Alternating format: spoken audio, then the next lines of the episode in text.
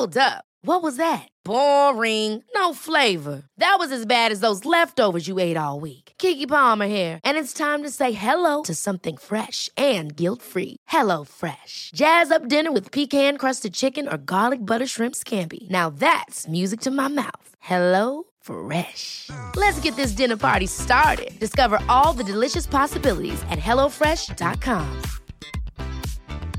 Hey, it's Ryan Reynolds, and I'm here with Keith, co star of my upcoming film, If, only in theaters, May 17th. Do you want to tell people the big news?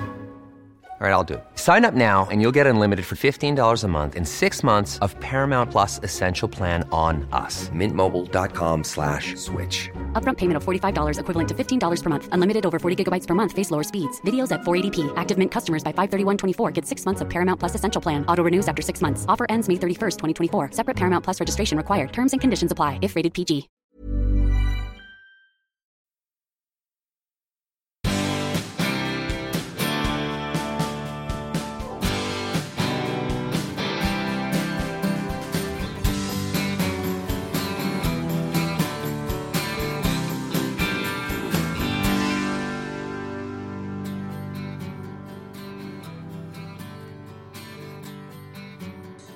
Immuncellerna som finns i vår kropp, de kan ju både skydda oss mot en bakterieinfektion, eh, en virusinfektion, men de kan också eh, patrullera eller se om en tumör eller en vanlig cell har förändrats så mycket att cellen faktiskt ser ut som en tumör. Och den typen av förändring gör att immunförsvaret kommer reagera på tumören. Och ibland så är det så stark reaktion att vi till och med kan få immunförsvaret att få bort tumören innan vi har, har märkt att tumören har ja, uppstått. Ställer man initierade och vetenskapliga frågor, ja då får man räkna med att få motsvarande svar tillbaka. Så bered dig på ett lite ovanligt och något mer komplext samtal än vanligt. För i det här avsnittet med Sara Mangsbo, då tränger vi nämligen djupt ner i immunförsvarets inre väsen, bland T-celler, proteiner och antikroppar. Men i och med covid-19 pandemin och all rapportering så har åtminstone jag många gånger ställt mig frågan hur funkar det egentligen? Det som är så häftigt är att inte bara covid-19 som vi kan hålla på mattan utan vårt immunförsvar kan också begränsa och i många fall ta kål på en sjukdom som dödar betydligt fler människor, nämligen cancer. Vi pratar också om hur man både kan vara forskare och entreprenör, hur en korsbandsskada kan förändra livet och fördelen av att vara robust, åtminstone när man har med hästar att göra. Innan vi börjar så ska vi naturligtvis ge utrymme till poddens sponsor coronapassport.se. Ska du resa utomlands närmaste tiden? Eller vill du snabbt få veta om du är coronasmittad? Då tycker jag du ska spana in sajten coronapassport.se. Coronapandemin gör att många länder kräver speciella intyg på att du är smittfri för att ge dig inresetillstånd. Det behövs ett så kallat coronapassport undertecknat av läkare och baserat på ett coronatest som är max 48 eller 72 timmar gammalt. Gå in på coronapassport.se och välj bland över 100 privatkliniker i Sverige. Beställ tid så nära in på din resa som möjligt så att intyget blir färskt. Kliniken testar dig och skickar provet till Tata Biocenter, ett akkrediterat laboratorium som erbjudit coronaanalyser sedan februari 2020. Så fort resultatet är klart, och det går alltid undan, då får du ett friskhetsintyg från din klinik förutsatt att du inte bär på coronavirus. På coronapassport.se så hittar du också aktuell reseinformation och generella råd från UD. Och du, glöm inte munskydd. Finns på coronapassport.se numera även med nanofilter som till och med filtrerar virus. Tack coronapassport.se. Sådär ja. Nu kommer en av Sveriges skarpaste hjärnor.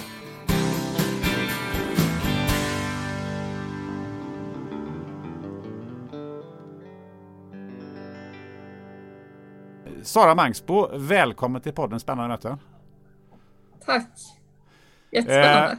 vi, vi eh, spelar ju in det här på, på länk. Det är inte så ofta jag spelar in på, på länk, men eh, det är väl både corona och lite eh, avståndet just nu som, som gör att vi, vi gör det. Och jag har fått förmånen att sitta i en studio i mina, hos mina kamrater eh, Fredag som är en reklam och eventbyrå. Eh, men vi tar det här med, med att sitta på distans. Hur, hur, hur många distansmöten har du haft på senaste tiden? Jag tror att min dag varje dag är nästan åtta timmars möten. Alltså det är en otroligt antal Zoom-möten just nu. Hur känns det? Det är lite tudelat. Man blir liksom, det är skönt på något sätt att man kan mötas i, över datorn och göra det på ett enkelt sätt och jag jobbar ju även i ett företag som har sitt säte i Norge.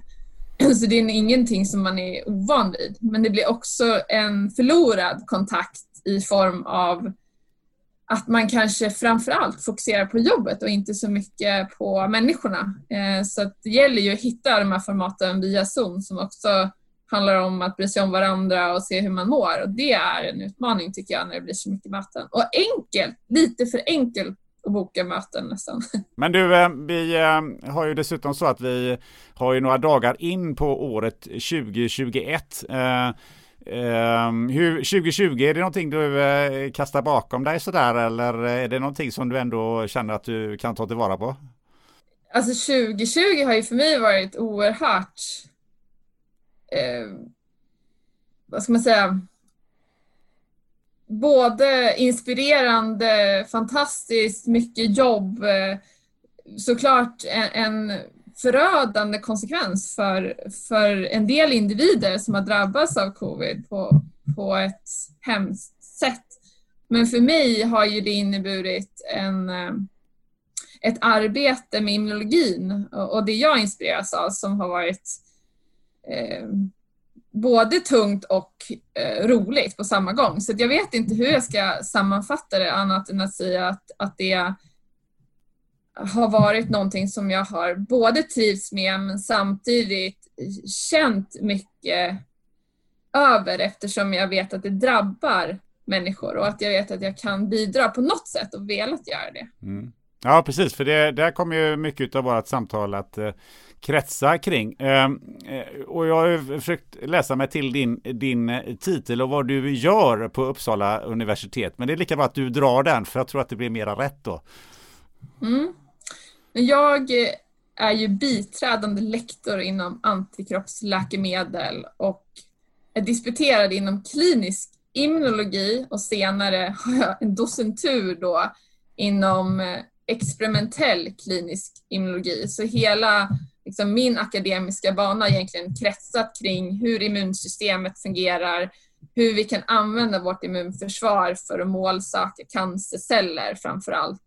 Eh, och i och med eh, covid-19 och har jag också halkat in lite på immunologin eh, och, och, analyser i relation till eh, den pandemi vi nu ser. Jag tänkte lite så här, jag brukar Ibland eh, så ställer jag eh, frågan liksom hur skulle du vilja beskriva dig själv? Men det, det, det, det kommer inte jag göra nu. Uh, utan jag har hört, jag har sett en beskrivning hur du beskriver dig själv. Okay. Sara är lika med söt, artig, robust och aktiv. Okej. Okay. Det har du skrivit en gång i tiden på någon blogg eller något sånt där. Aha. det, det var jättelänge, var jättelänge sedan, eller hur? Ja, jag tror att det var när du var i Montreal. Ja.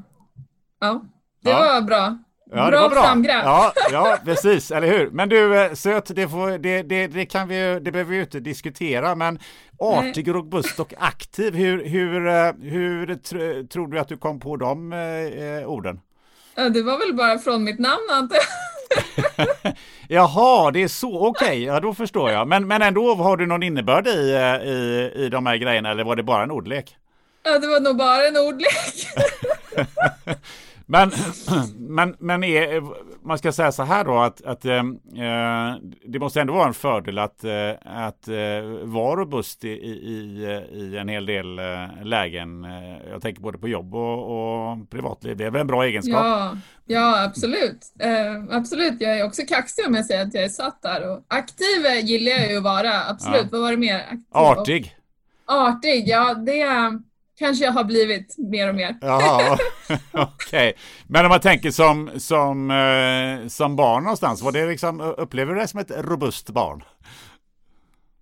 Ja, jo men kanske att som en yngre person att det matchar väl med hur jag skulle beskriva mig. Jag tror att jag skulle förändra den där beskrivningen idag, men, men ja, det, det kan nog stämma. Jag måste ju ha tyckt det där när jag skrev mm. det. Mm. Det försvinner ju inte på nätet. Nej, eller hur? hur har du, vad, vad, tror du har fått den där eh, robustheten och aktiviteten ifrån då? Jag tror att det handlar en hel del om vad man gjorde som barn. Eh, jag hade jättemycket aktiviteter eh, vid sidan av skolan och trivdes mycket bra i skolan. Mina föräldrar är lärare och var lärare och det var på något sätt en grundtrygghet tror jag för att trivas i skolan och liksom drivas av att göra ett bra jobb. Och sen hade jag både ridning och fotboll som eh, fritidsaktiviteter. Både lagsporten, fotbollen gjorde att man eh, var både aktiv och fick en teamkänsla och, och, fick mycket vänner. Och ridningen tror jag där på något sätt blev det ju en robust person. Alltså man, ja, jag vet inte. Någonting i stallmiljön om att både ta hand om ett väldigt stort djur, att eh, klara av det och att eh, klara av att hantera djuret både när man rider men också i stallet. Jag tror att det gjorde att man fick en trygghet. Ja det kan jag förstå och det, och det är väl någonting som krävs om man just är i stallet. Jag kan tänka mig hästar eh, märker vi väldigt väl av eh, vad det är för person som eh, kommer farande genom stallet där. Ja de känner ju direkt av om man har en nervositet och man måste skapa den tryggheten på plats. Nu var det länge sedan jag red frekvent men det, det är ingenting som jag skulle vilja vara utan även om min mamma inte var särskilt glad över valet. Eh, Varför det? Jag, kommer, nej, men jag vet inte, hon var rädd för hästar och jag kommer ihåg när jag var i stallet när jag var kanske runt tio och en häst eh, som hette Cider, han var väldigt aggressiv.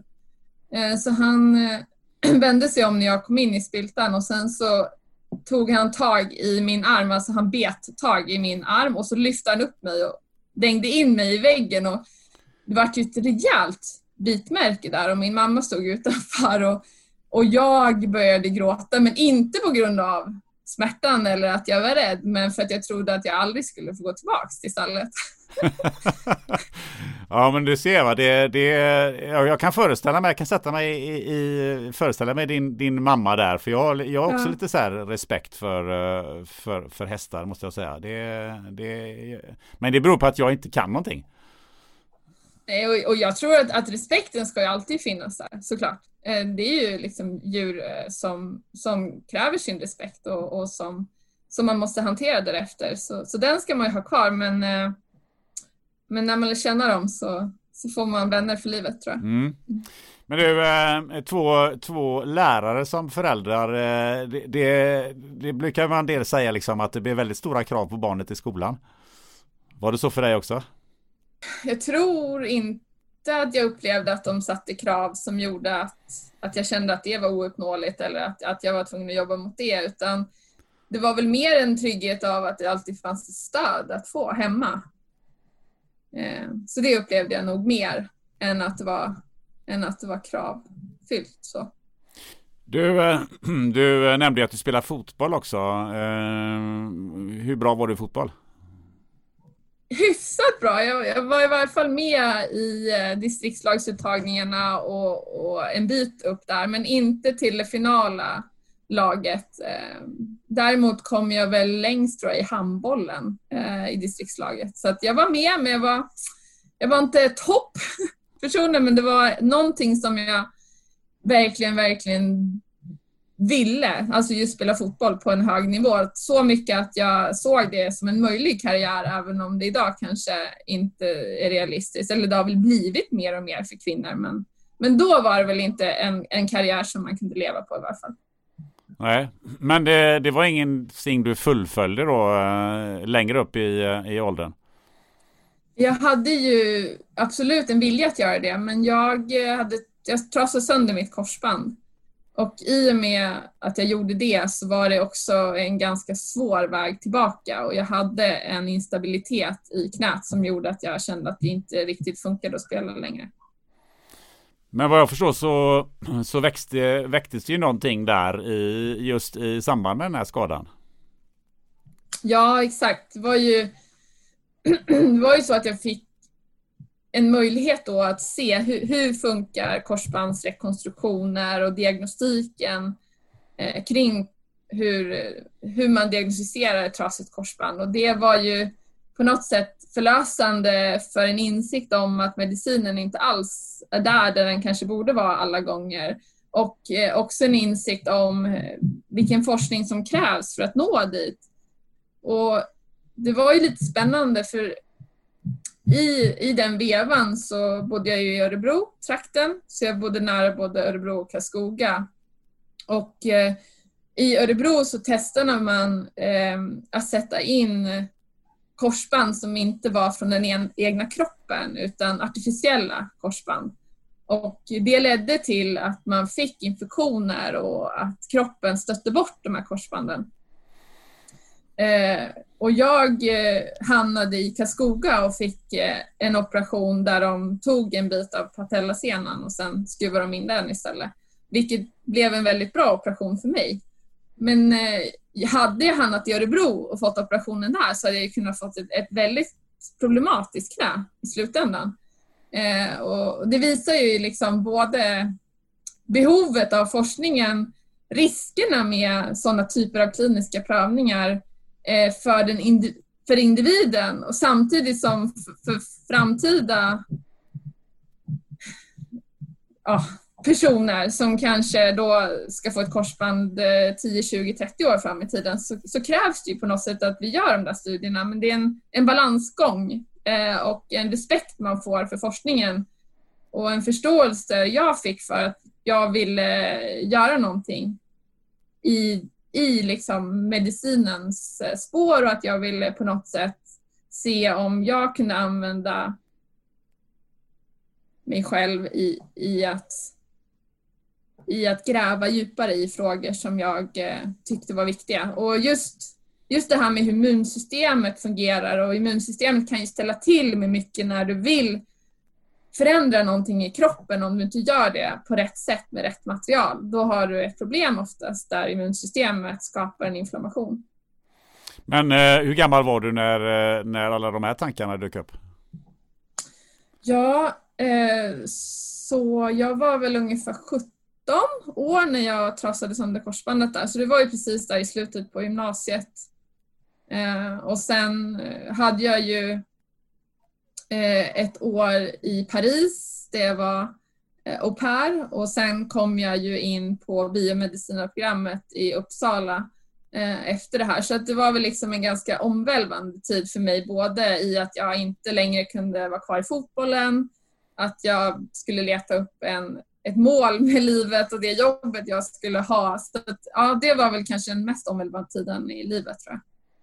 Eh, var valde du mellan några andra yrken än, än eh, läkare? Några andra banor för dig in, innan det här hände? Förutom fotbollsproffs förstås. På högstadiet tror jag att jag tänkte mer på att bli polis faktiskt. Vad var det som lockade där då? Jag tror inte att jag tänkte så mycket mer än att det var enklare att titta på de yrkena som... Ja, det, var, det var inte greppbart tror jag, men forskning var abstrakt vid den tidpunkten. Är det någonting du funderar på så här bakåt? Eller polis skulle man kanske ha varit i alla fall? Nej, det, nej jag är inte. Jag är väldigt glad att jag är där jag är idag. Jag är oerhört glad över det och jag ville bli läkare. Men jag är oerhört glad att jag är forskare och kan fokusera på det idag. Så jag, ja, jag kan säga att jag har landat där jag vill landa. Det, eh, det låter ju fantastiskt bra, men eh, varför, är det, varför är du hellre där, där du är nu än, än att vara läkare? Jag tror att, att jag skulle kunna absolut vilja vara forskande läkare. Men att enbart eh, vara läkare, det tror jag inte att jag skulle vilja göra. Mer för att jag känner att jag mm, vill använda mina tankar till att utveckla nya idéer. Och det är väl det, det jag har försökt att göra med att jag tagit vägen in i entreprenörskapet och få röra sig där eh, känner jag är precis det jag vill göra för att få utlopp för en kreativitet tror jag. Och jag känner väl att den kreativiteten kanske skulle vara lite förlorad att enbart vara läkare, men inte som forskande läkare. Absolut, det skulle jag nog kunna tänka mig vara. Ja, för du är utsetts till årets eh, entreprenör och Sverige, en av Sveriges supertalanger eh, för inte, inte allt för, för länge sedan. Och dessutom har du fått någonting som jag läst mig till som är, är något som heter järnäpplet. Eh, ja. Som vad jag förstår handlar om någonting om kunskapsöverföring just mellan mellan akademi och, eh, och vad ska jag säga, företagsvärlden.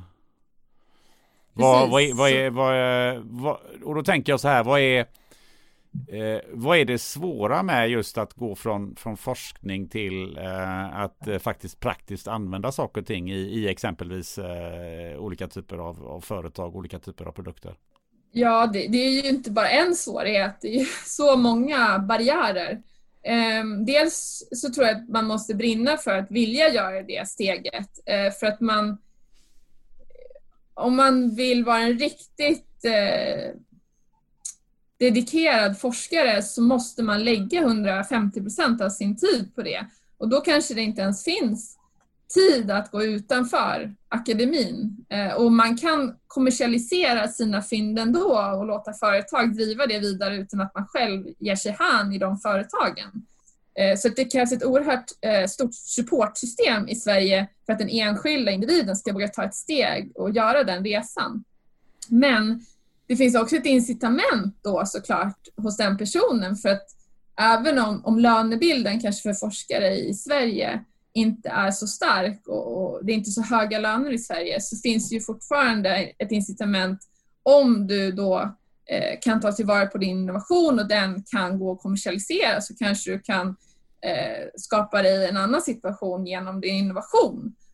Men sen är ju forskaren inte den, alltid den som kan se marknadsvärdet och potentialen och ens förstå vart det ska placera sig. Så det krävs också en entreprenör och jag ser mig själv som en entreprenör och forskare, men jag ser också ett behov av att jag alltid ska kunna hitta någon person som kan bidra med tankar kring hur ska det här kunna tas emot och vem är en tagare av den här innovationen? Och det är inspirerande att kunna jobba med personer utanför akademin för att för att se vart ens idéer kan ta vägen och hur man också kan bidra i samhället, både med jobb men också med system, eh, olika typer av eh, screeningmetoder eller till och med läkemedelskandidater som man hoppas någon gång ska kunna bidra eh, för att göra nytta. Men det måste ju ställa ganska stora krav på, på en forskare för, på, när det gäller bredd. Alltså dels så ska man vara bra på det i sitt forskningsområde, men dessutom ska man vara entreprenör och kunna driva företag. Det måste vara rätt svårt. Det är jättesvårt och det är inte alls så att, att alla är bra på att röra sig i båda områdena och eh, eh, alltså generellt sett så ställer man rätt stora krav i Sverige på lärare inom universiteten. Man ska ju ha en, en väldigt stark pedagogisk portfölj och arbeta för pedagogiken. Man ska arbeta med en, en stark vetenskaplig meritering. Man ska arbeta starkt med samverkan som tredje uppgiften. Eh, och ledarskap. Så att det är ju en oerhört stort krav man har på sig. Men eh, skulle det behövas eh, fler entreprenörer som kommer utifrån som kanske inte är, har forskningsbakgrunden men som har entreprenörsbakgrunden och gifta ihop sig med sådana som, som kommer på smarta idéer och nya, nya, eh, nya lösningar på, på, på problemen? Ja, absolut. Och det krävs också, tror jag, en en stor öppenhet från båda sidor att försöka förstå varandra. För det är inte alltid att man pratar samma språk. Och det kan ju ta flera år innan man hittar ett sätt att förstå varandra. Så det är väl det som också är utmaningen. Det är inte bara att alltså alla personerna finns. Men hur ska man samtala på ett sätt så att man förstår varandra och uppnår samma mål? Du, äh, äh, låt oss halka in på äh, immunologi och immunonkologi. Mm. Eh, kan du börja med att förklara immunonkologi? Eh, det har ju med cancer att göra, men kan du förklara vad, vad, vad är det för någonting? Ja, så när när en tumör uppstår i kroppen då, då är det ju celler som delar sig okontrollerat. Eh, antingen lokalt, eh, då har inte tumören spridit sig, men sen kan ju tumören också sprida sig och, och uppstå på, i levern eller i skelettet. Och eh, när tumören har uppstått, eh, eller också ibland precis när den uppstår, så är det ju så att vi har ju immunceller i vår kropp. Och eh, immuncellerna som finns i vår kropp, de kan ju både skydda oss mot en bakterieinfektion, Eh, en virusinfektion, men de kan också eh, patrullera eller se om en tumör eller en vanlig cell har förändrats så mycket att cellen faktiskt ser ut som en tumör. Och den typen av förändring gör att immunförsvaret kommer reagera på tumören. Och ibland så är det så stark reaktion att vi till och med kan få immunförsvaret att få bort tumören innan vi har, har märkt att tumören har ja, uppstått. Men om det inte sker så växer ju tumören och det sker oftast i samverkan med immunförsvaret.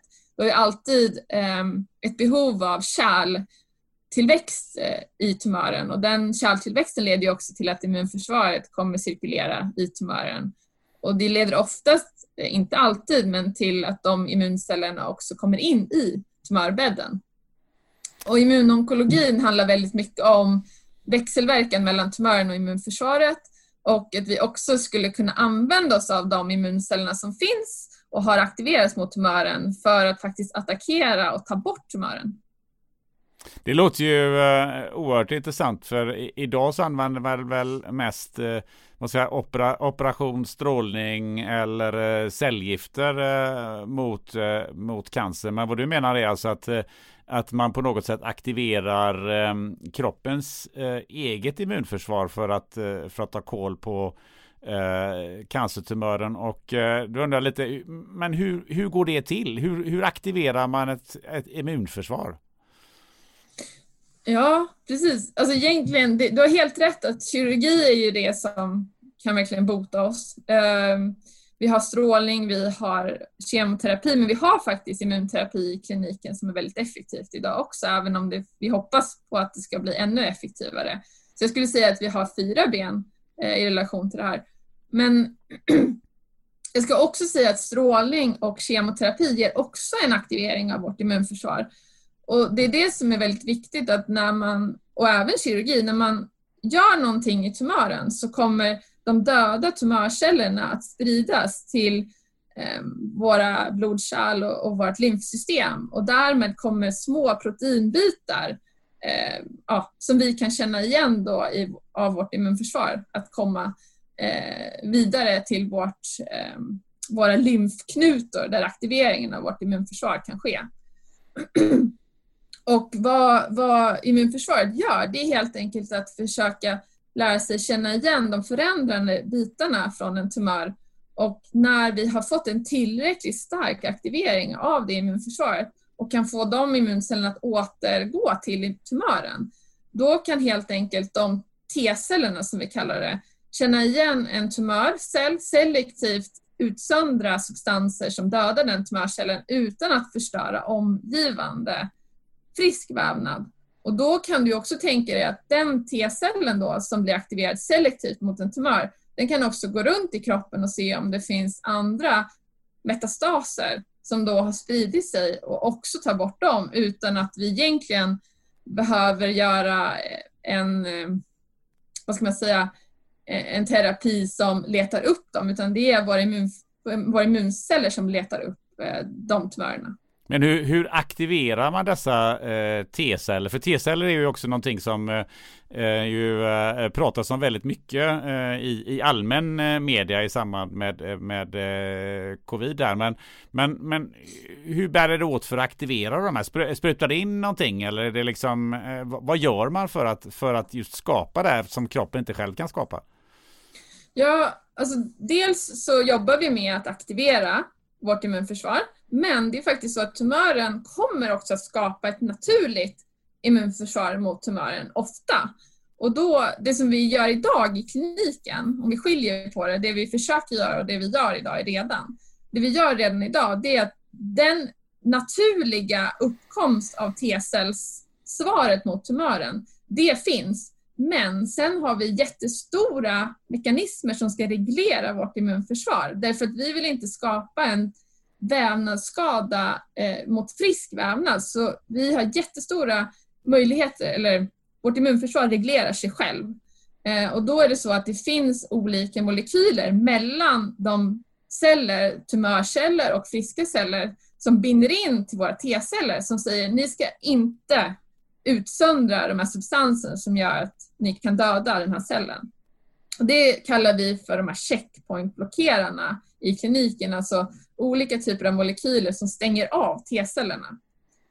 Eh, men det vi har kommit på, det som har varit den stora revolutionen och som också blev upphov till Nobelpriset i medicin och fysiologi 2018, det var att man kunde använda sig av, av att tillföra ett protein som helt enkelt ser till att den där interaktionen, de där molekylerna som bromsar T-cellerna, om vi bryter den interaktionen genom att tillsätta ett läkemedelssubstans som ser till att vi bryter upp den interaktionen, då kommer de T-cellerna fungera igen. Så då är det egentligen så att vi bara ser till att vi boostar det redan existerande immunförsvaret. Och då har vi sett att ibland så kan det till och med ta bort tumören eller att du kan leva med tumören som nästan som en kronisk sjukdom. Men på frågan om vi kan också få nya T-celler, det är ju lite mer i det här vaccinfältet som jag rör mig i. Och det är ju på tapeten med vacciner idag i pandemin såklart, eh, men också inom tumörbiologi. Eh, när man pratar om virus och, och vacciner, då vill vi ju få upp så mycket antikroppar som möjligt, för antikropparna de binder till virusets eh, olika proteiner så att viruset inte ens kan komma in i våra celler och då har vi ett profylaktiskt vaccin. Men när vi pratar om cancer, då vill vi försöka eh, attackera någonting som redan existerar som ett terapeutiskt vaccin. Och i det fallet, då är det jätteviktigt att vi får igång våra T-celler. Och om inte tumören har fått till det, då måste vi se till att vi skapar ett vaccin som etablerar det T-cellsvaret mot tumören. Och då måste vi, med virus, då är det enkelt. Då vet vi, viruset består av de här komponenterna, de här proteinerna och vi kan göra ett vaccin mot det. Men tumören kan ju se olika ut i, i olika individer. Så det vi försöker göra i labbet är att vi försöker se hur ser tumören ut för den individen och hur kan vi syntetiskt producera små bitar av tumören som också kan aktivera tillräckligt bra svar i kroppen på den individen så att du får den här infiltrationen in i tumören och därmed skapar det här T-cellsvaret. Vad är skillnaden mellan eh, vaccin och medicin i det här sammanhanget? Det är ju mer en, en medicin då eftersom du redan har sjukdomen. Mm, Sen kan då... man ju tänka sig i teorin att vi skulle kunna gå till ett vaccin eh, alltså innan du har fått tumören eller om du är i risk av att utveckla tumör eh, på grund av genetik. Men jag skulle nog inte säga att det är kanske ett klassiskt vaccin utan mer en medicin. Då. Men eh, när du är inne på det, eh, tror du att vi eh, inom en rimlig framtid kommer att ha ett vaccin som, alltså, som man eh, så där, i förebyggande syfte kan eh, spruta in i, i, i, folk som, ja, men som barn lika väl som man får en spruta mot eh, mässling eller vad det nu kan vara för någonting? Ja, alltså en ambition och en förhoppning är ju det. Vi, vi jobbar ju mot det. Ehm, jag är involverad i ett projekt där vi tittar på ett vaccin som har bitar från tumören eh, som tumören behöver för att kunna leva vidare och, och växa. Eh, och där tror vi att det vaccinet och de bitarna från tumören, det kan potentiellt vara ett vaccin som man kan gå i ett väldigt tidigt skede med. Men sen handlar det ju också om vad ska vi, alltså var ska vi rikta våra insatser i medicinen? Och det är ju en prioriteringsfråga. Så jag tror att i slutändan så måste vi prioritera vad vi betalar för och när vi ska ge. Alltså finns det en, en, en motivering att ge ett, ett vaccin, profylaktiskt vaccin, om du vet att de flesta inte kommer utveckla den här tumören? Det kommer bli en frågeställning som man måste diskutera och det kommer säkert också vara en frågeställning som man får diskutera och utveckla med tid och se behovet. Blir vi äldre? Eh, finns det ett större behov av att förhindra tumörsjukdomar för att det blir en belastning? Eh, på samhället en kostnad, då kanske det finns en motivering att göra det. Så jag tror att det är ett samspel av forskning och samhällsvinster. Är de väldigt dyra de här vaccinerna? Oftast så handlar det ju om att det är dyrt att ta fram läkemedel eh, för att det krävs en, en stor klinisk insats som tar många, många år och kräver mycket riskkapital. Så att det är klart att själva produktionen av det finala läkemedlet kanske inte är så dyrt utan det är liksom insatsen som man gör fram till att det blir godkänt som är dyrt. Så under en viss tid så kommer du få betala eh, en rätt stor peng för den typen av läkemedel men sen när det går eh, ut av patentet då blir ju det oftast ett mycket betydligt billigare läkemedel på sikt. Men eh, kommer man och tror du kommer att få fram ett eh, cancervaccin som, som är så brett så att eh, du kan ge det eh, till barn och så kommer, de, kommer man inte få någon typ av cancer eh, i, i, sitt liv? Jag eh, önskar att jag var så kaxig som Maria när jag lyssnade på henne och ert samtal. Ja, Maria Strömberg, Men, nano, professor i nanoteknik. ja, um, jag hoppas det, men cancer är komplext uh, och uh, jag tror att vi kommer behöva batterier av olika terapier för att också vara beredda på att cancer kan uppstå eh, senare i livet. Och jag är inte alls säker på att vi kommer kunna förhindra det eh, Eh, i barn. Men däremot kanske det finns personer som har ökad risk för att utveckla cancer och förhoppningsvis skulle vi där kunna göra en insats med ett vaccin i ett väldigt tidigt skede. Det är det jag hoppas på. Men sen kan ju eh, fälten uppenbarligen finns det ju så stor potential i många olika fält. Immunterapi är en del, eh, men det finns ju oerhört mycket potential inom nanoteknologin, inom andra typer av fält också. Så att, ja, jag tror att det blir en samverkan i slutändan som gör att vi kan lösa den här gåtan. Men är ni, är ni på väg att hitta eh, vaccin eh, som funkar mot, mot eh, alla typer av, eh, av cancer när man väl har, har, har fått dem? Eller är det vissa cancertyper som just, som, där man ligger väldigt långt fram just nu? Ja, det, det vi gör i, inom det här projektet som, som jag jobbar med då, det är ju att eh, att den här biten från tumören då finns uttryckt av 90 procent av tumör, alla olika tumörer och i princip av alla, den tumörform som har det uttrycket, alla de tumörcellerna ska ha uttrycket av det proteinet. Eh, och I det fallet så finns det en stor potential att vaccinet ska fungera i många olika tumörformer. Men då ska man också komma ihåg att när man börjar sätta ett tryck på tumören oavsett om det är ett farmakologiskt tryck på tumören, alltså en medicin som försöker få tumören att minska om det är cytostatika eller om det är strålning eller om det är en liten molekyl eller om det är våra T-celler. Då kommer tumören också att förändra sig för att undgå det trycket. Så, så det finns också någonting som man känner till eh, som är liksom tumor escape-mekanismen, alltså att tumör, tumören Eh, förändrar sig så mycket att vårt immunförsvar inte längre ser tumören. Eh, och när det händer, då kan ju tumören växa till igen eh, som en liten annan tumörtyp. Och då kommer vi behöva förändra vaccinet för att vaccinet ska funka igen. Så det är lite ett krig som pågår i kroppen där? Ja, jag är ju, jag är ju lite sådär, vi brukar ju prata om krigstermer i, med immunförsvaret och det är ju det är ju enkelt att prata om krigstermer för att förklara det. Och jag tror att jag också faller in i det. Men jag är lite försiktig för risken är att vi också ser på immuncellerna som tänkande individer nästan när vi pratar i krigstermer. Och jag tror att det är farligt för forskarhjärnan att, att fundera för mycket i krigstermer. Så jag försöker undvika det. Men eh, ja, jag kan väl säga ja då. ja, för man har hört, det har man ju hört sedan, sedan barn då liksom är det de här eh, immunförsvaret och de vita blodkropparna. Det är som soldaterna i ditt, eh, ja. i din kropp och lite sådär. Eh, ja. men, men jag tänker på det, finns det några cancerformer som man idag säger att ja, men det här är mest effektivt mot ja, men prostatacancer eller lungcancer eller vad det nu må vara. Eh, och, och, och kanske lite svårare med andra typer av cancer? Ja, men just immunterapi eh, och den här eh, effekten av de här antikropparna som bryter upp den här nedställningen, nedstängningen, den är väldigt effektiv i melanom, hudcancer.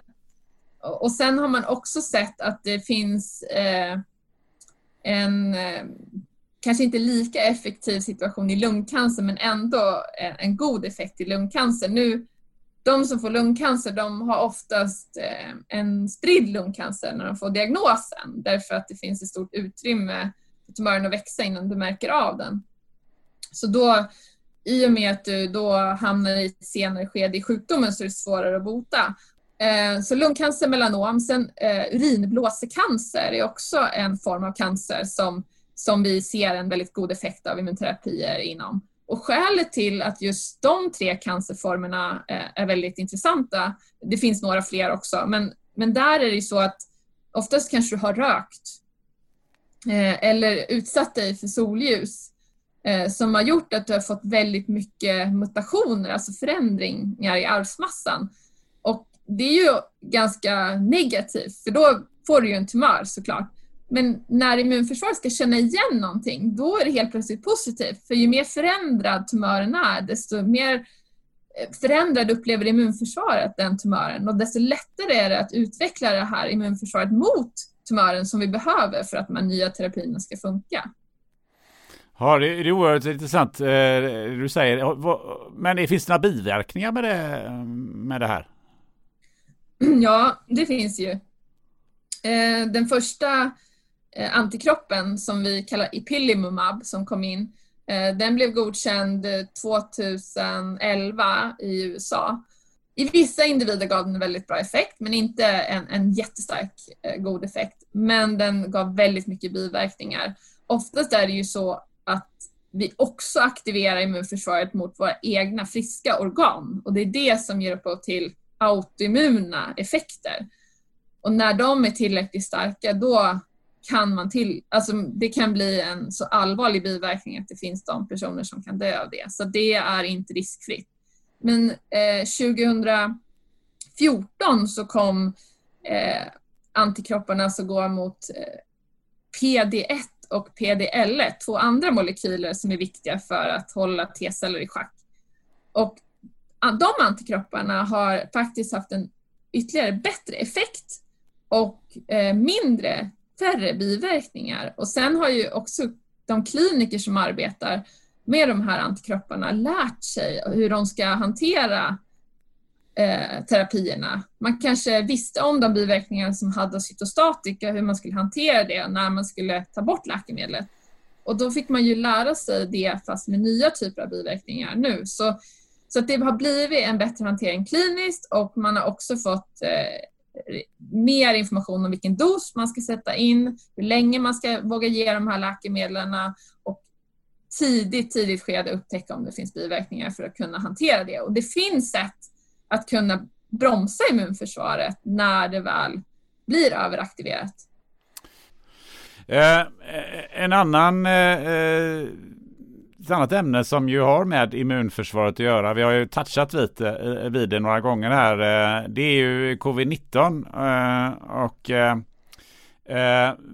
vilken betydelse skulle du vilja säga att att en persons immunförsvar har i det här sammanhanget huruvida man blir sjuk och hur sjuk man blir?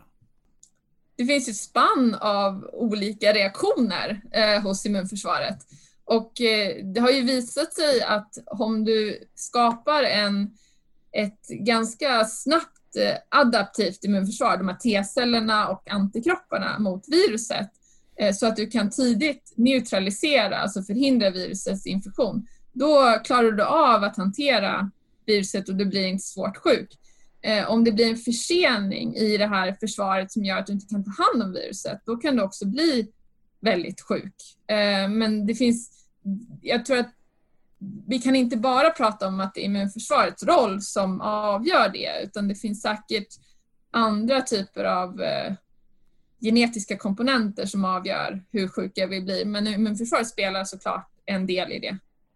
Men hur, ehm, jag tänker på hur påverkar man, kan man påverka sitt immunförsvar själv?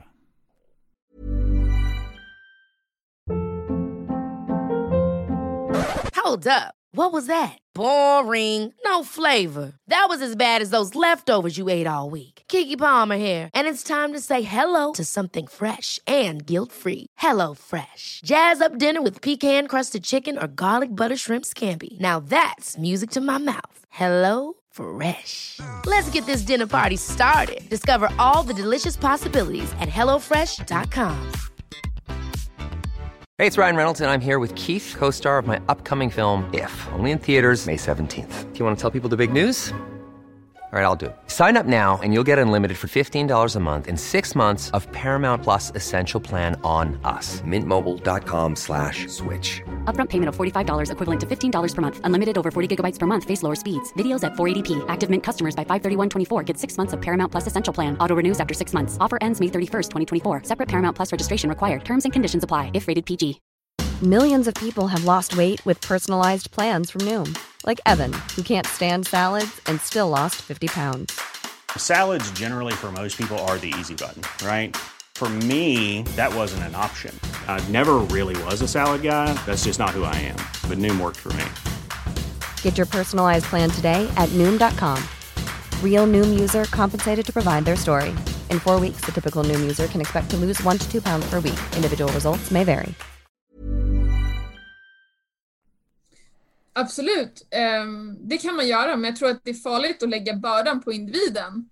Ehm, därför att du föds med olika typer av uppsättningar och möjligheter av att hantera virus och bakterier och tumörer. Och det kan du inte göra något åt. Det finns en genetisk komponent i det.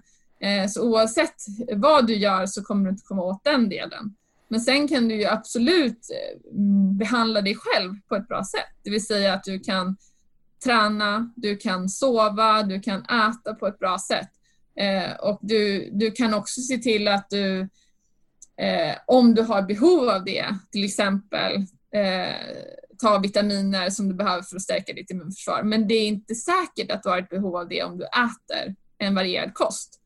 Eh, men det, det är klart, du kan göra väldigt mycket. Eh, och, och när du gör kliniska studier kan du titta in på okej, vad är det för faktorer som påverkar eh, att du klarar av att, att stärka ditt immunförsvar. Men för den enskilda individen så kan det nästan, tycker jag, ibland bli lite stigmatiserande att prata om att du, att du ska förändra någonting när du kanske inte alltid kan göra det. Men eh, varför, eh, varför blir vissa väldigt sjuka och väldigt många nästan inte sjuka alls? Ja, alltså vi har ju både en ålderskomponent i det här eh, och det finns ju ett åldrande av vårt immunförsvar som vi får reda på mer och mer om nu eh, och fler och fler immunologer forskar kring hur eh, vårt immunförsvar när vi blir äldre då kanske inte fungerar lika bra eller inte kan hantera eh, virusets framfart på samma sätt. Och någonting i, i hur vårt immunförsvar åldras och hur vi åldras är ju en komponent i det här. Eh, men sen så verkar det ju också finnas eh, en skillnad mellan män och kvinnor i hur, hur, vi, hur svårt sjuka man blir eh, när man blir äldre. Eh, det finns också en komponent av att vi bör, alltså när, som jag berättade förut, när vi använder immunterapier så kan vi överaktivera vårt immunförsvar. Och det kan vi också se här. Och jag berättade om att vi kan reagera på våra egna organ, alltså den autoimmuna bilden. Och när vi får en så stark infektion av ett virus, det är inte bara covid-19 utan det kan vara andra virusinfektioner också. Det blir nästan som lite likartat det här med våra läkemedel när vi överaktiverar ett immunförsvar, vårt immunförsvar. Då börjar vi också attackera våra friska celler. Och när vi börjar se den typen av överaktivering av vårt immunförsvar, det är inte säkert att vi då i den här spridningen i samhället som vi har kan hantera det eh, med sjukhusvård som vi skulle kunna hantera en läkemedelsbiverkan. Men det är egentligen samma effekt, att vi börjar skada våra egna organ. Och, och den överaktiveringen, den blir ju skadlig för vissa individer. Och då, det finns eh, en genetisk komponent i, i, hos vissa där man kan se det. Men sen är det säkert också så att det finns en dosfråga. Så har du fått en stor dos virus och det förökar sig så, så kanske det finns en risk för den typen av eh, överaktivering av vårt immunförsvar. Men finns det, du, du, säger genetiska komponenter. Är det genetiska komponenter som gör att vi har olika bra immunförsvar? Eller till och med så att vi har genetiska komponenter eh, som gör att eh, vissa människor till exempel inte kan få eh, influensa? Alltså, med vissa virus så finns det genetiska komponenter som gör att vi inte kan infektera våra celler. Alltså det finns ju exempel med kalicivirus och vinterkräksjukan eh, där, det, där det är så att vi inte ens kan få in viruset i våra celler. Jag har hittills inte sett någonting med covid-19 som har indikerat på det, men det är såklart någonting som jag tror flera grupper tittar på. Eh, det vill säga om det finns de som har ett skydd mot att ens få en infektion av viruset in i våra celler. Men sen så är det också så att när vi, när vi presenterar viruset för våra T-celler eh, då sker det på ett speciellt sätt och jag brukar säga att, att viruset visas upp nästan den här peptiderna eller de här syntetiska bitarna som är vaccinet, om, om viruset har sådana små bitar som kommer upp på ytan av cellerna, då brukar jag säga att de presenteras med hjälp av ett korvbröd nästan på ytan av våra celler. okay. Och sen så virusbitarna är liksom korven i det korvbrödet och det är det som gör att T-cellen faktiskt kan se vad, eh, liksom, vad som finns inuti, varför en, en, eller, att det finns en virusinfektion i cellen. Annars kan T-cellen inte se något om inte det här korvbrödet och korven finns på ytan. Och när T-cellen ser det, då kan den bli aktiverad. Först då kan den bli aktiverad. Men de här korvbröden, de finns liksom i olika smaker och format. Så du har en uppsättning av de här korvbröden och jag har en helt annan. Så jag kanske kommer visa upp vissa virusbitar och du visar upp andra. Så den, den liksom variationen av de virusbitarna som vi visar upp kan också påverka vilken styrka vi kan få i vårt immunförsvar. Det är, det är en del av det. Det är lite med senap eller med ketchup sådär. Ja. För det är väl också så att eh, vad jag har förstått att vissa människor eh, blir inte sjuka fast de blir smittbärare ändå. Hur, hur går det ihop? Ja, alltså de har ju också visat att, att eh, de som är asymptomatiska, eh, som inte är sjuka men som, där de har detekterat viruset, de har ju mycket mindre virus i kroppen så att de har också Eh, Eh, de kommer smitta färre. Så det är inte så att de går runt och har väldigt hög virusmängd. Så på något sätt så är det ju så att även om de har blivit infekterade så har de ändå fått ett immunförsvar som lyckas liksom hålla antalet viruspartiklar i schack. Eh, och då blir de inte sjuka av det. Du kan detektera att de har ett virus i, i kroppen och det går över. Och det betyder att de, det, det, kan vara olika skäl till det. De kanske inte fick en så eh, hög dos från början. De kanske har ett skydd genom, vi kallar det en korsreaktivitet och det skulle kunna vara i linje med det du nämnde om jag fått mycket infektioner tidigare när jag var barn har jag utvecklat ett, ett starkt immunförsvar. Och det är klart att vi vet att en T-cell som, som är utvecklad till en minnescell som består i vår kropp, om den kan korsreagera, ibland händer det, ibland finns det små korvbitar då som, som ser likadana ut mellan virus. Och den korsreaktiviteten kan kanske ge upphov till ett visst skydd till exempel. Ehm, så det, det är någonting som forskare tittar på nu också. Hur väl kan sådana korsreaktiva T-celler till exempel ge ett skydd som kanske möjliggör att vi inte blir så sjuka? Sen är det ju så att det, det finns eh, människor som har haft eh, covid-19 och sen utvecklar man eh, antikroppar och vissa utvecklar inte eh, antikroppar. Eh, vad beror det på? Allra flesta utvecklar antikroppar som är mätbara. Det finns eh, en viss procent eh, som inte gör det. Så, så det är återigen så att på en, den liksom stora populationen så är det så att okej, okay, vi har de flesta antikroppar. Sen är det så att, att vi mäter ju antikropparna på olika sätt. Och då har man också sett att eh, de två proteinerna från viruset som man oftast använder i de här testerna, det är dels nukleokapsidproteinet och sen är det den här spike-proteinet. Och varför man i början började utveckla testerna med den här nukleokapsiden, det var för att immunresponsen, immunförsvaret mot den delen av proteinet av viruset, den kom upp snabbt och var detekterbar väldigt tidigt i infektionen. Och sen kom immunförsvaret och antikropparna mot den här spike-delen. Eh, så de, många tester som kom ut först, de var tester med antikroppar mot nukleokapsiden. Men eh, över tid så har man nu kunnat se att antikropparna mot nukleokapsiden, de försvinner snabbare. Alltså att du har minnescellerna, B-cellerna, de kan fortfarande finnas kvar, men själva antikroppens cirkulationstid i blodet, den har försvunnit. Så den finns inte kvar. Då kan du inte mäta det, men du kanske fortfarande egentligen har minnescellerna kvar som skulle kunna producera den. Däremot har man kunnat se att om man använder det här proteinet som heter spike då i testerna, då eh, har de antikropparna som binder in mot det proteinet, de har lite längre halveringstid. Så då blir det en, en möjlighet att mäta det flera månader, kanske till och med ett halvår eller ännu längre eh, så cirkulerar de antikropparna. Och i det fallet, så om du använder ett sådant test, då får du ett positivt test. Men om du använder det testet med nukleokapsiden så får du ett negativt test. Så det kan ha med så mycket att göra, också vilket test du tog.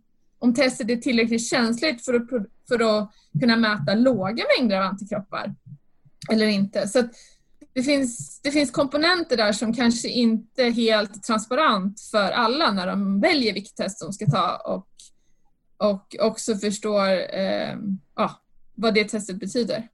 Men det verkar ju inte heller så att man är immun speciellt länge. Eh, alltså, det är ju det är säkert en, en fråga om vilken Alltså hur sjuk blev du om du skapade ett starkt immunförsvar eller inte? Det vill säga, hade du en infektion som, där du inte behövde skapa ett väldigt starkt immunförsvar så kanske du inte heller hade tillräckligt mycket antikroppar skapade och ett tillräckligt starkt T-cellsvar för att skydda dig från en återinfektion. Och det är ju samma sak varför vi vaccinerar två gånger och inte bara ger en spruta. Det är ju för att första sprutan kallar vi en priming. Och den ger upphov till en start av några få celler som skulle kunna växa till sig, men den ser inte till att de cellerna, immuncellerna växer till sig till tillräcklig mängd så att det blir ett skydd. Och sen två eller fyra veckor senare ger vi en spruta till och då kallar vi det booster. Och då får vi tillräckligt mycket celler och tillräckligt mycket antikroppar för att ge oss ett bestående skydd. I varje fall en viss tid. Vi vet ju inte idag hur länge vaccinerna kommer skydda. Och det är lite samma sak med virusinfektionen, det vill säga om vi skulle se att den virusinfektionen inte gav en så stark infektion att vårt immunförsvar behövde skapa eh, tillräckligt mycket T-celler och B-celler för att skydda oss mot vävnadsskada. Då kanske det är så att en ny infektion kommer att skapa ett, en booster av ett immunförsvar så att vi är skyddade nästa gång.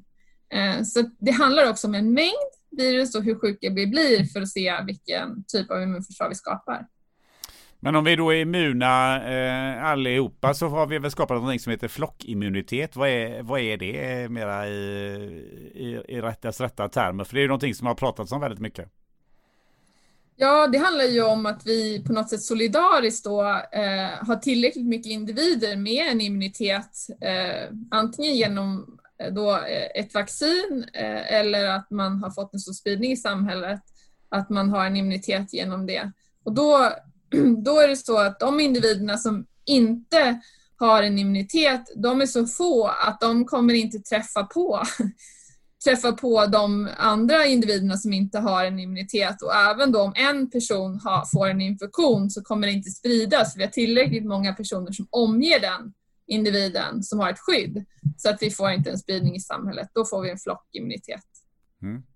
Eh, någonting man kan fundera på är ju att eh, det har gått extremt fort att eh, få fram eh, ett vaccin eh, mot covid. Det har ju varit under, under ett år. Vad beror det på att vi har lyckats göra det så snabbt?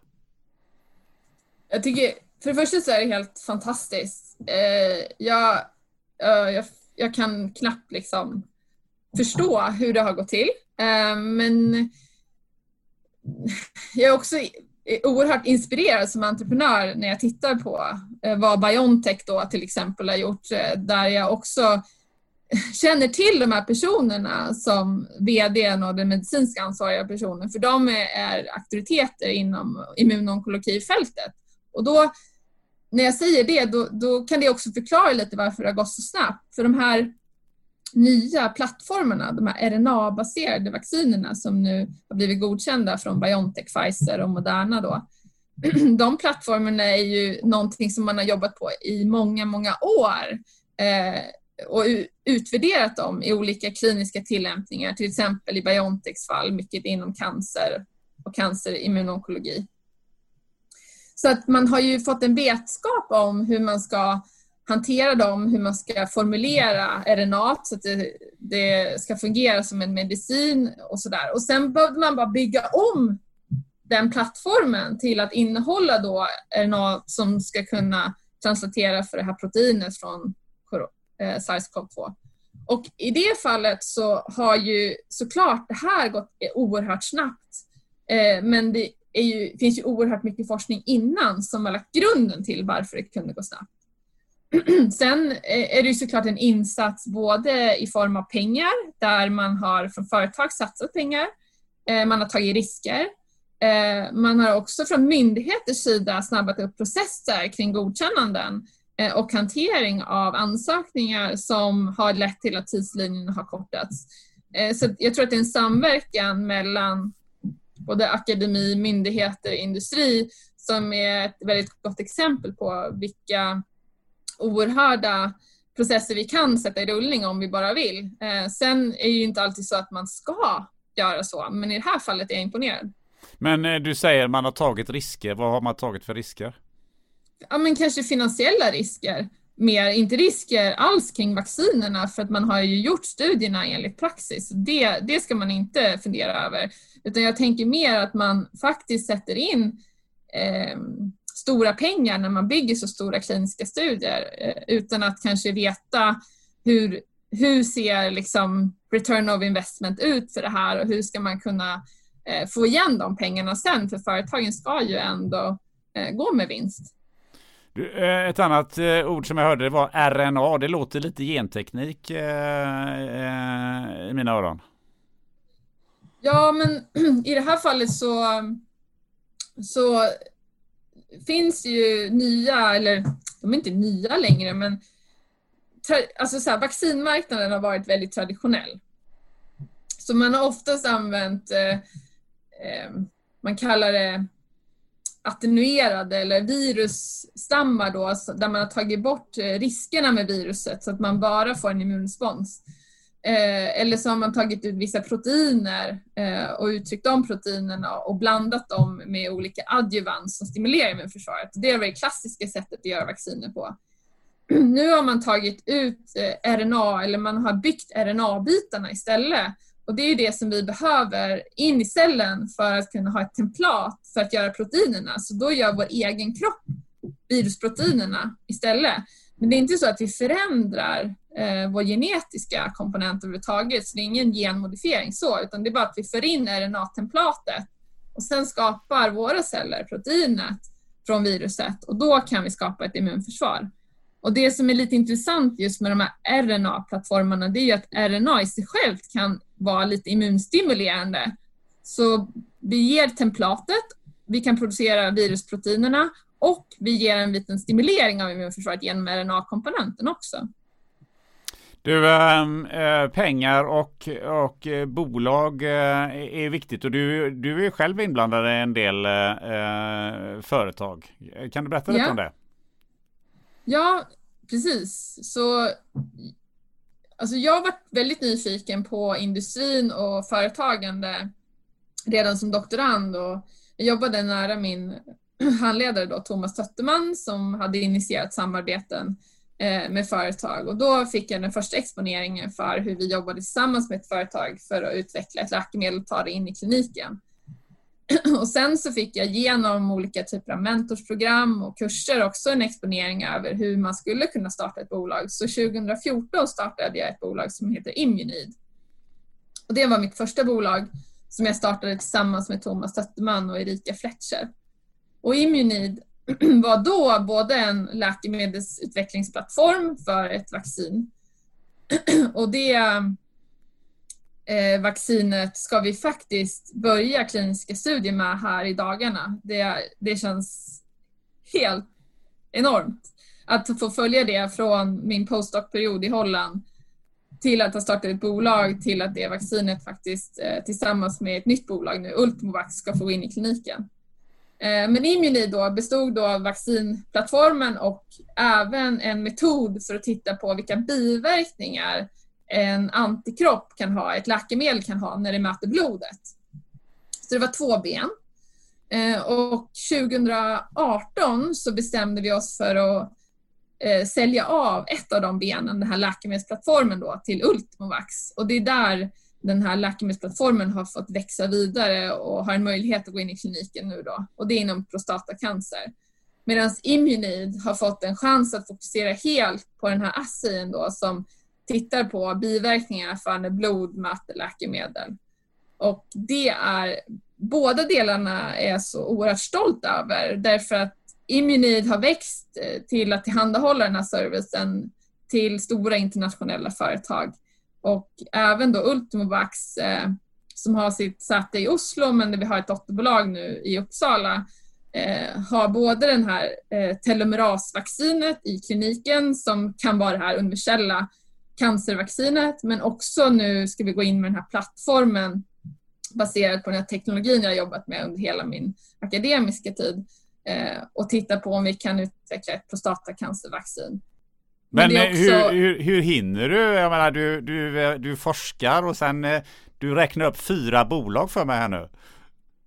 Ja, det är en utmaning, alltså tidsmässigt, att hinna med. Det är en utmaning. Um, men det är också ett, på något sätt ett ansvar att ta. Alltså om jag forskar och gör de här delarna, om jag inte tar ett ansvar att starta det här bolaget kring det här, då kommer ju inte det här till patienterna eller till nytta, nyttiggörandet faller ju. Eh, och det handlar ju inte egentligen bara om mig utan det handlar ju om alla de här människorna kring mig som kan göra, möjliggöra det här. Så att, så att jag får ju konstant jobba med mig själv och inse att okej, okay, den här delen kan jag göra, jag kan bidra med det här. Vilka personer måste jag omge mig med som kan bidra in i den här resan? Så det är, inte, det är inte jag det handlar om. Det handlar ju om en, en, ett team och det handlar om ett arbete som många individer kan göra tillsammans. Um, så nätverkande och teambyggande är ju nyckeln i det, tror jag. Men hur, hur får vi fler sådana eh, personer som dig att engagera sig i, i, i, företagandet? För det här känns ju som att det är lite nyckel till, till, eh, till en snabbare utveckling eh, eh, av det som ni forskar fram. Ja, men jag tror att lite det du var inne på tidigare, kan vi teama upp personer på ett bättre sätt? Kan vi hitta det formatet? Eh, jag har ju jag har ju många gånger tittat tillbaks och sett nyckeln till att jag fick ett nytt nätverk utanför akademin var att jag fick en mentor via IVA, det här Mentor for Research-programmet och att Jörgen då som var min mentor, han gav mig lista på individer som jag fick träffa i hans nätverk och jag fick därigenom massa investerare och personer som kunde sitta i styrelsen för mina bolag och utan det hade inte jag alls varit där jag är idag. Så alltså man måste vara generös med sina nätverk och ge tillbaks. Eh, och jag tror att vi har haft en, en oerhörd eh, möjlighet i Sverige. Och det, jag ville inte att den stora industrin skulle läggas ner, AstraZeneca eh Eh, eh, eller ehm, eh, att vi tappade delar av verksamheten i Uppsala. Det är inte det, men, men det har varit en oerhörd eh, vilja av seniora kompetenta industripersoner att ge tillbaks eh, till småbolag. Så jag tror att vi måste fortsätta den generösa mentaliteten i mentorskap, i nätverkande och eh, att dela med oss av det.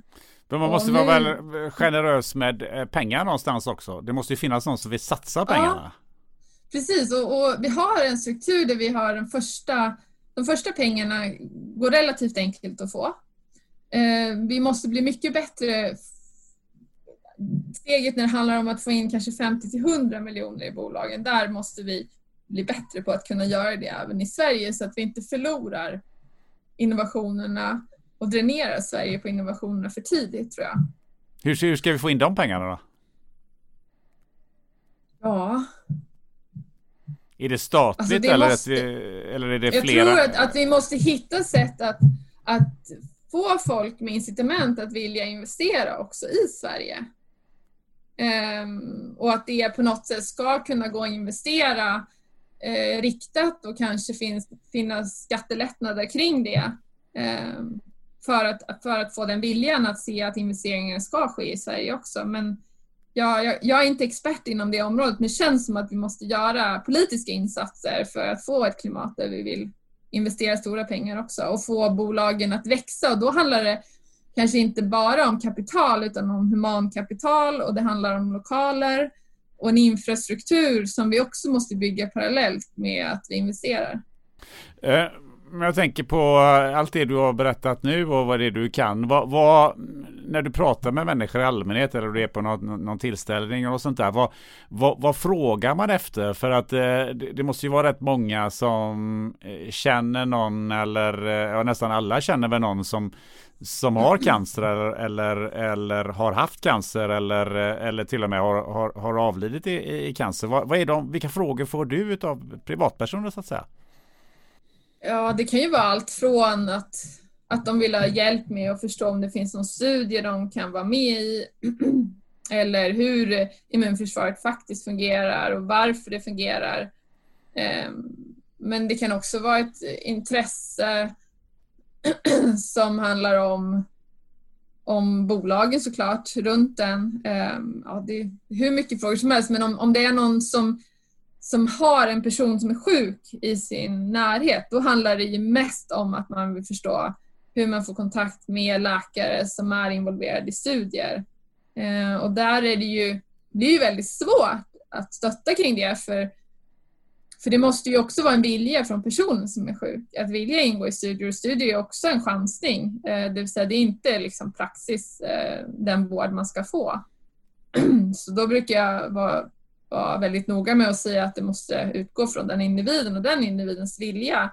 Eh, men sen finns det ju studier som man kan söka efter i, i databaser och man kan alltid be sin läkare då att remittera en till det sjukhuset som har den studien. Så att, men det, det, är en utmaning för, för man måste ju också väga tiden kvar man har mot det experimentella i den studien så att, så att personen får, får en bra tid eh, i sitt liv kvar.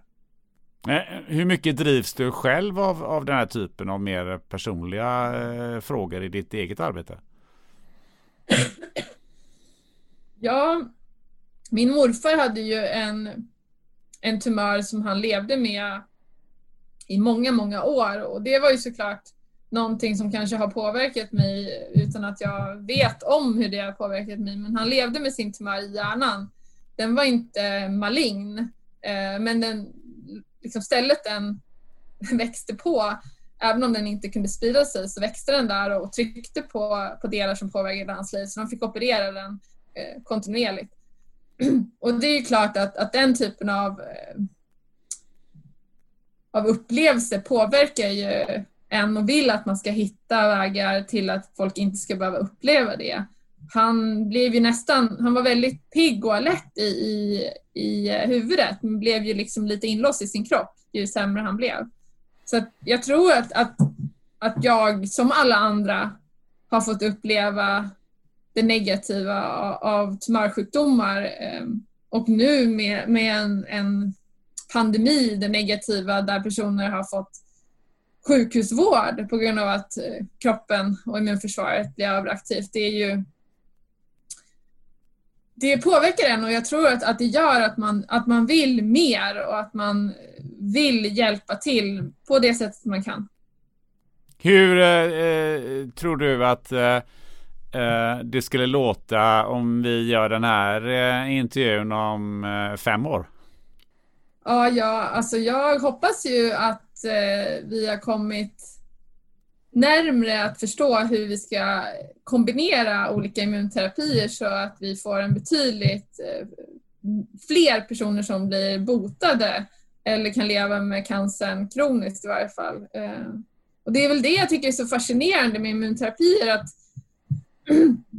att oftast, eh, jag jobbade ju en viss tid på AstraZeneca där jag blev exponerad för storbolagssfären och, och hanteringen av läkemedel. Och och, och det som verkligen slog mig då när jag kom från akademin in i industrin, det var att man från industrin var så fascinerad över faktiskt att man, att man inte bara flyttade kurvan lite åt sidan för att tumören, den, den, eh, tumörstorleken sjönk och försvann men sen kom den tillbaka. Det var liksom det lite normala, att, att du blev av med den för en stund men sen kom tumören tillbaka och sen så klarade du inte av att hålla den i schack. Medan här istället så förlängde du överlevnaden så markant. Femårsöverlevnaden brukar vi prata om i form av cancer och då från melanom då, där den var 10 procent, femårsöverlevnaden så var den uppe nu mot 40 till 50 procent på femårsöverlevnaden med de här nya terapierna. Och den fascinationen inom industrin var så stor och det var det som, som också var så fascinerande att få uppleva, att komma från akademin in i industrin och se vilken slagkraft ett läkemedel kan ha. Och, och då vill vi ju flytta den kurvan ytterligare så att kanske vi har 80 procent inom en viss sjukdom som, som har en, en, en femårsöverlevnad. Men det är ju klart att, att vi måste jobba vidare eh, med det och vi måste också se till att vi utvecklar diagnostiken så att vi får reda på att man har cancer i ett väldigt tidigt skede. För ju tidigare vi kommer in med en behandling, speciellt immunterapi, desto mindre har vi faktiskt negativt påverkat vårt immunförsvar med att vi inte är så sjuka, att vi har ett bättre hälsotillstånd. Och ju bättre kan vi potentiellt ha en effekt av våra terapier. Eh, när jag intervjuade, du nämnde ju Maria Strömme som ju eh, eh också är på Uppsala universitet eh, och forskar inom nanoteknik eh, och som vi faktiskt tipsade om, om dig. Det får vi tacka Maria för. Eh, men hon var ju som du lite nämnde eh, ganska kaxig och sa att om tio år så dör ingen i cancer. ställer du upp på det? Um. oh. Jag tror inte det. Varför? Jag tror inte det. Jag, eh, jag hoppas att hon har rätt, men jag tror att vi kanske... Ja, jag hoppas att jag kan skriva under på det om 20 till 30 år, men jag är lite rädd för att 10 år är för kort tid.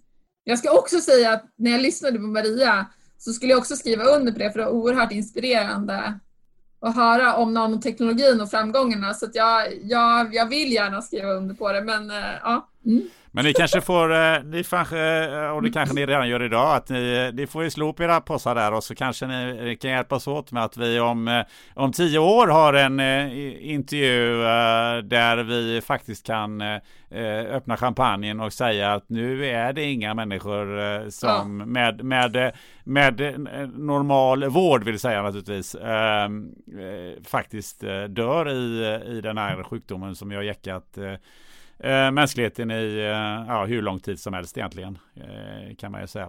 Jag tycker ja, att, eh, hoppas det. Mm. Ja, det får vi hoppas. Och jag, eh, jag känner att det är där någonstans jag tycker att med det här hoppet som vi ska avrunda det här eh, mm. samtalet så småningom. Ehm, vad känner du? Jag vet att du i lite uppsnack sa till mig att oh, jag är inte så van vid att prata så länge. Hur, vad har du för reflektion till en och en halv timmas snack här? Uh, utmanande. men jätteroligt att få samtala med dig. Utmanande på vad sätt då? Nej men eh,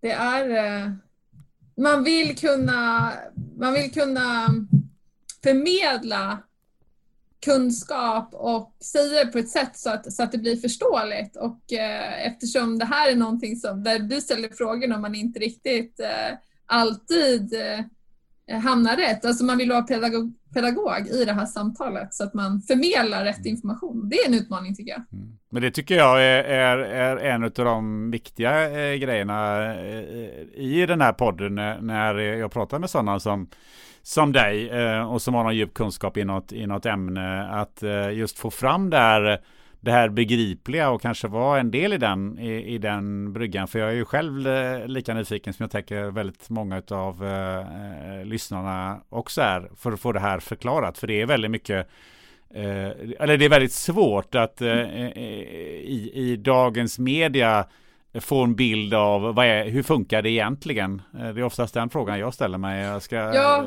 På fem minuter så det är, väldigt, det är väldigt mycket som man på väldigt kort tid eh, får väldigt mycket information om och den är väldigt motsägelsefull ofta. Ja, och jag vill också ge en eloge till dig för att du ställer de här följdfrågorna och du tillåter det här samtalet. För att det behövs och den plattformen behövs och du, eh, du gräver djupare i det och får en... Jag tycker det är så härligt. Eh, det, det har hänt mig flera gånger nu, både journalister där vi har skrivit artiklar och de, du och de ställer så bra frågor som gör att man kan bli en bättre pedagog och det är en eloge till dig för det. Det är mm. jätteroligt. Stort tack för det. Um, uh, då ska du få önska någon gäst uh, till den här podden och Maria är ju redan upptagen så att du får hitta någon annan. Har du funderat på någon? ja, det har jag. Och nu kommer jag säga två personer. Ja, det är jättebra. Eh, den första personen eh, är Maria Järnelid. Okej, okay. vad gör hon? Eh, och hon är inte en person som är jättemycket i det publika rummet, men däremot så har hon rört sig från Sverige då i olika bolagsformat och gjort en resa upp, högt upp i, i eh, chefsrummet eh, nu i USA på Mammotom. Och eh, hon har en ledarskapstänk som, är så, ja, som har inspirerat mig genom åren. Eh, och jag tror att ett samtal med henne om hur hon använder sitt ledarskap för att utveckla andra individer och för att göra sig själv eh, onödig, som hon säger. Det tror jag skulle vara ett oerhört intressant samtal. Mm, och sen eh, skulle jag också vilja att du intervjuade Johan Rockberg på KTH. Mm. Och han eh, pratar mycket om innovationer kring storskalig produktion och behovet av att ha en storskalig produktion i Sverige för att bli konkurrenskraftiga och att bli goda innovatörer. Och det vore oerhört roligt att lyssna på honom i samtal med dig också. Jag får mig att jag sett honom i någon nyligen nu i någon, i någon, mm. någon nyhetsartiklar eh, eller Han brukar annat. sitta också och kommentera Nobelpriset. Ja just det, så är det. Mm. Eh, tack för två eh, toppentips. De ska jag naturligtvis eh, eh följa, följa upp. Ehm, och eh, till slutligen bara, hur, eh, hur kommer man i kontakt med dig? Hur följer man dig eh, om man är ytterligare intresserad av, eh, av alla de här frågorna vi pratat om? Ja, jag är väldigt aktiv på LinkedIn. Så där brukar jag dela mycket information.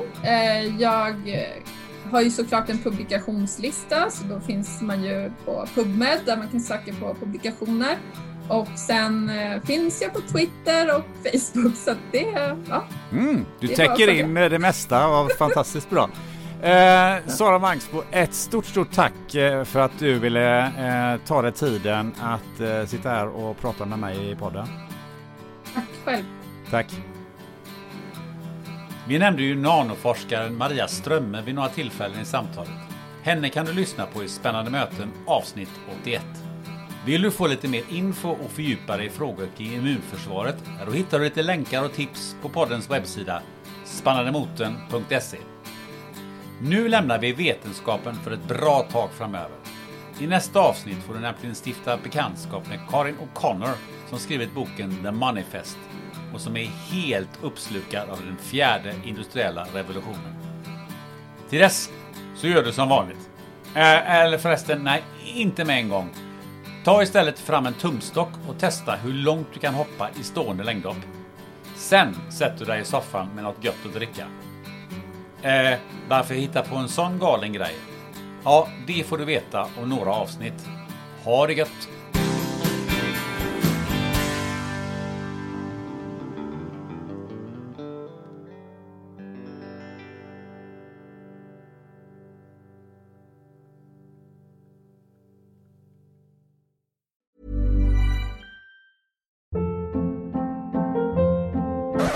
Hold up. What was that? Boring. No flavor. That was as bad as those leftovers you ate all week. Kiki Palmer here, and it's time to say hello to something fresh and guilt-free. Hello Fresh. Jazz up dinner with pecan-crusted chicken or garlic butter shrimp scampi. Now that's music to my mouth. Hello Fresh. Let's get this dinner party started. Discover all the delicious possibilities at hellofresh.com.